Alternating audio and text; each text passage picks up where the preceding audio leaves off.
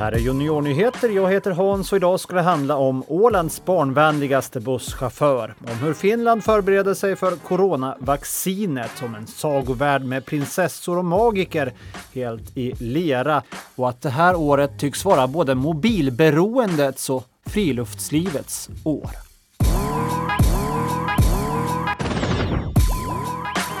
Idag firas barnkonventionens dag runt om i världen, så även på Åland. FNs barnkonvention som gäller här sedan 29 år tillbaka säger att barn och unga ska respekteras och ges möjlighet till utveckling, trygghet, delaktighet och inflytande. För att fira det här lite extra så delar Rädda Barnen ut ett pris varje år den här dagen. Och idag så gick priset till Sven Larsson som är busschaufför på Röde Orm. Sven fick priset för sitt vänliga bemötande där han sätter barnen i fokus. Priset gick också till bussbolaget som körde skolmat till barnen som bor på Gärsönåtö under våren när det var distansundervisning och barnen inte kunde ta sig till skolan själva för att hämta mat. Ja, det, känd, det kändes väldigt bra. Det var, det var kul att se barnens glada ansikten när jag kom. Att de fick lite, lite, lite grann utav skolan, för de saknar ju skolan väldigt mycket. De saknar sina kamrater väldigt mycket. Så att det blev någon form utav lite kontakt med det gamla van, invanda för dem.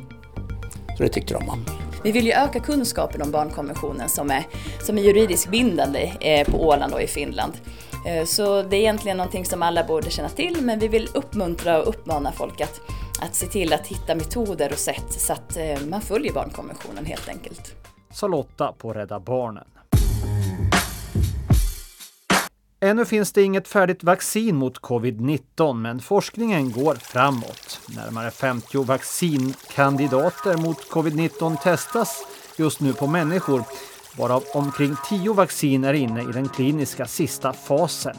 Och I Finland så förbereder myndigheterna som bäst hur vaccineringen ska gå till när det väl är dags.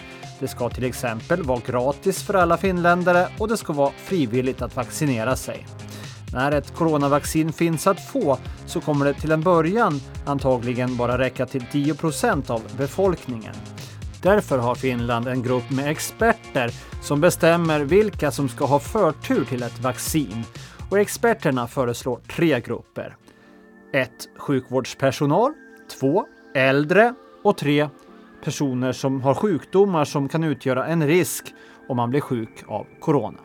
På Åland har vi hittills sett 45 fall av corona sedan i mars månad, men bara två personer har behövt uppsöka sjukvården. I Sverige är situationen annorlunda. Där har smittan ökat kraftigt de senaste veckorna, något som fick regeringen i Sverige att gå ut med tuffa restriktioner som börjar gälla på tisdag. Max åtta personer får samlas offentligt, biografer håller stängt och man bör inte heller gå på gym eller till biblioteket eller ordna privata kalas. Många ålänningar studerar och bor i Sverige. Ålands Radio pratade med Amanda i Linköping som berättade om hur de nya kraven känns. Många tycker ju det är jättejobbigt och speciellt vi som studenter så bor ju många ensamma. Man har kanske inte jättemycket som familj runt sig och så. Och då blir det förstås, ja skola har vi fortfarande haft på distans men man har ju ändå kanske setts med kompisar och kanske kunna gå till gym och träna och få lite socialt där.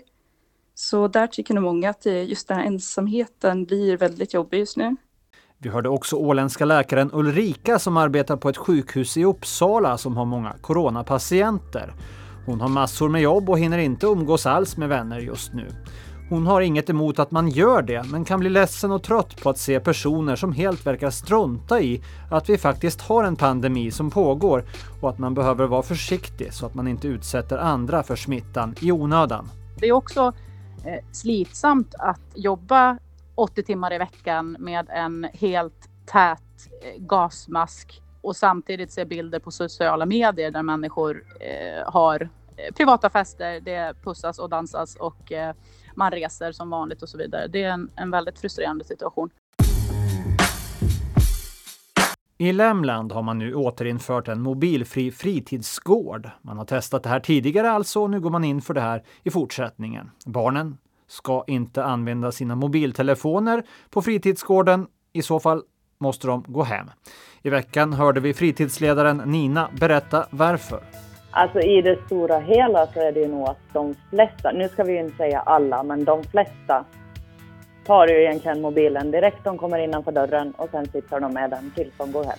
Är det, är det rätt att ställa barn inför det valet? Att antingen få vara på fritidsgården med sina polare och få leka med sin telefon eller vad man nu vill. Eller tvingas gå hem då? Alltså jag skulle väl egentligen säga både jo och nej. Inte, känns det ju helt bra men, men eh, vi märker att det funkar ju bättre. Och i veckan fick vi också träffa 15-åriga Olivia som har en utställning i Lämlands bibliotek. Vinterns magiska under heter den. Ett skåp fyllt med pyttesmå scener ur en fantasivärld full av prinsessor, magiker, nallar och alla andra möjliga varelser som hon tillverkat i hobbylera. Det började med att jag var hos min mammas väninna och så fick jag pröva på den här sortens lera för första gången. Och jag, det visade sig att jag var ganska bra på det. Så köpte vi hem lite och så prövade jag. Och sen ledde det till det här helt enkelt. Och nu har jag en utställning. Hur känns det? Alltså det känns ju fantastiskt. Jag hade ju aldrig trott att jag skulle få ha en utställning. Och det har varit ganska många här så jag, jag känner mig ändå ganska nöjd och jag tycker det är fint och det känns bara helt, helt fantastiskt. Det blir ingen lilla julmarknad på John Karlsgården i år. Marknaden ställs in till följd av pandemin. Men det hindrar inte att julhandeln ändå är i full gång. I år så startade den ungefär en vecka tidigare än vanligt. En orsak kan vara att de vanliga släktresorna kanske inte blir av som planerat under julhelgen, så då måste klapparna istället skickas per post. Att det inte är någon som direkt åker till Sverige och julhandlar i år tror och hoppas butiksägaren Ann-Katrin i Mariehamn kommer betyda att hon får sälja lite mer än vanligt. Så här tid, jag tycker vi slår in mera paket den här tiden. Annars brukar det vara när julgatan öppnar. Så det har nog kommit en vecka tidigare. Hur känns det inför julhandel nu? Det känns lite spännande att se vad som, hur, hur det blir borde ju vara så att folk handlar hemma i år och då borde det ju bli bättre. Men sen kanske man inte träffas och då kanske man inte ger varandra paket. Så att vi får ju se. Och ännu en gång så har årets julklapp utsetts av handlarna i Sverige. Genom åren så har det varit en rad olika produkter som på något sätt varit typiska för det år som gått. Inte sällan har det rört sig om tekniska prylar som slagit igenom som DVD-spelaren, platt-tvn, surfplattan och VR-glasögon. Men trots att vi kanske har använt skärmar och datorer mer än någonsin i år när vi tvingats ha både skola och jobb på distans så är årets julklapp något helt annat, nämligen stormköket eller friluftsköket. I år så har vi ju faktiskt umgåtts utomhus en hel del också och semestrat på hemmaplan och kanske vistats både i våra lokala grönområden men också på längre vandringar där ett stormkök kan komma väl till pass. Och frågar du ålänningen Olof som är en riktig friluftsmänniska så är det här mitt i prick. Jag blir otroligt glad då. Jag tycker det är en som en, det är inte bara ett kök. Det är en uppmaning att gå ut i naturen, njuta av allt det vackra. Och hur man gör det, det beror på helt på hur man, vilken ambitionsnivå nivå man vill lägga sig. Men det är att man kommer ut som gör att jag blir glad. Och att jag njuter av allt det vackra vi har omkring Ja, nu är ju kanske inte ett stormkök det som står högst upp på just din önskelista. Juniornyheter ringde Mattias som jobbar på en åländsk leksaksbutik för att pejla med honom vad som verkar vara extra eftertraktat just i år. Om vi ska våga tro honom så är det en klassisk kulbana i lite ny skepnad som sticker ut i försäljningen. En sån här kulbana som är pedagogisk och man lär sig bygga och lär sig fysikens lagar. Varje år vid jul så brukar Rädda Barnen på Åland sälja julkort och gåvor till förmån för barn som lever i utsatta situationer på Åland och i världen. Det här gör det möjligt att dela ut julklappar eller betala träningsavgifter och ordna kalas för de som annars inte har råd. I år är det försäljningen av kramdjuret Luringen, gjort av återvunnet tyg, som ska bidra till de här gåvorna. Vi hör Lotta på Rädda Barnen. Det blir som en dubbel glädje. Dels att man köper den här gåvan så möjliggör det för oss att kunna ge stöd ifrån våran barnfond.